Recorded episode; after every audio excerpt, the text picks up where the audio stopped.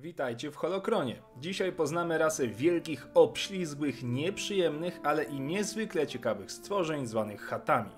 W filmach poznajemy jedynie Jabbę, ale interesujących postaci z tej rasy jest znacznie więcej, a i same właściwości tych stworzeń są bardzo oryginalne. Hattowie to nic innego jak brzuchonogie wielkie ślimaki, a przynajmniej je przypominające. Cechuje je bardzo duża inteligencja, a oni sami uważają się często za najinteligentniejszą rasę we wszechświecie. Tyle, że większość z nich cechowała się ogromnym tchórzostwem, kiedy ich życie było bezpośrednio zagrożone. Choć Joda dożył 900 lat, to i tak niewiele, bo Hattowie żyją średnio przez jedno milenium, o ile oczywiście dożyją tak sędziwego wieku, nie będąc wcześniej zamordowanym, zważywszy, że ogromna część przedstawicieli tej rasy para się działalnością przestępczą. Ważyli około 1,5 tony i waga nie była tu bez znaczenia, bo im chat był większy, tym bardziej uznany w środowisku. Przez swoją długowieczność Hattowie bardzo rzadko się rozmnażali, a samo znalezienie odpowiedniej partnerki było niezwykle długotrwałym procesem. Ich fizjologia także była interesująca. Mogli zamykać nozdrza i godzinami przebywać pod wodą dzięki płucom o ogromnej objętości, a ich skóra była odporna na wiele chemikaliów i wysoką temperaturę. Dodatkowo byli prawie kompletnie pozbawieni szkieletu. Co do wspomnianego szukania partnera w celach rozrodczych. Ułatwieniem tutaj było obojnactwo, które Hattowie wywoływali siłą woli.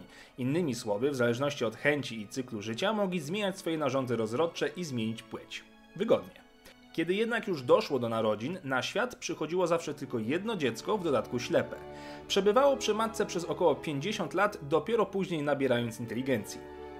Hattowie za swój dom uważali planetę Nalhutta, jedną z planet w systemie Utop, umiejscowionej mniej więcej po środku galaktyki w rejonie zwanym przestworzami Hattów. W ich języku nazwa planety oznacza wspaniały klejnot. Niemniej jednak Nalhutta stała się domem omawianej rasy, nazywała się Evokar i była domem dla pokojowej rasy Ewoki. Ślimaki, wykorzystując naiwność mieszkańców, wykupiły ich ziemię w zamian za technologię, a gdy było już za późno by reagować, zmusili ich do opuszczenia planety lub do osiedlenia się na księżycu Narshada, który możecie doskonale znać z wielu gier.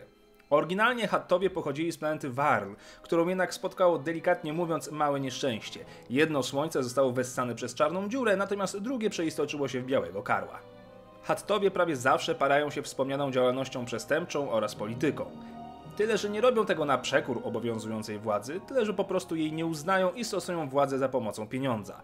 Doprowadziło to do powstania swoistych terytoriów rządzonych przez chatów, które mimo że podlegają jurysdykcją pod republikę czy imperium w zależności od okresu, w rzeczywistości rządzi tam Rada Starszych, zwana też klanem sędziwych oraz poszczególne klany chatów. Nasze przestępcze ślimaki praktycznie nie używają języków innych ras, choć bardzo często je znają i potrafią się nimi posługiwać. To jednak wymusza na ich rozmówcach, szczególnie w handlu, pewnej dozy uległości. Ich język zresztą jest powszechny wśród przemytników, przestępców i łowców nagród. Nic więc dziwnego, że Han Solo dogadywał się z Jabbą, mimo że każdy z nich używał innego języka.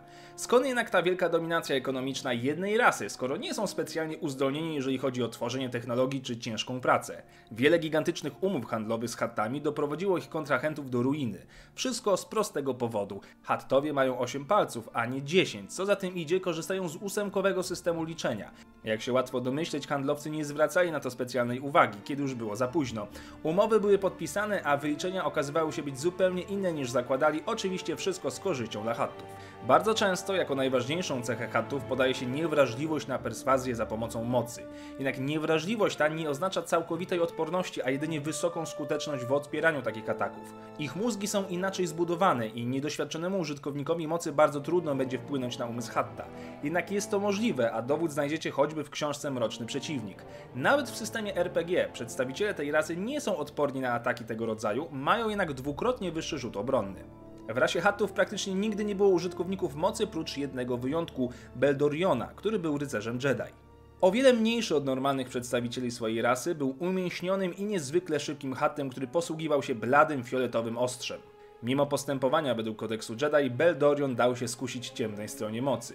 Mimo, że nauki rozpoczął na 400 lat przed nastaniem Imperium, swego żywota dokonał 13 lat po wydarzeniach z Nowej Nadziei z rąk księżniczki Lei.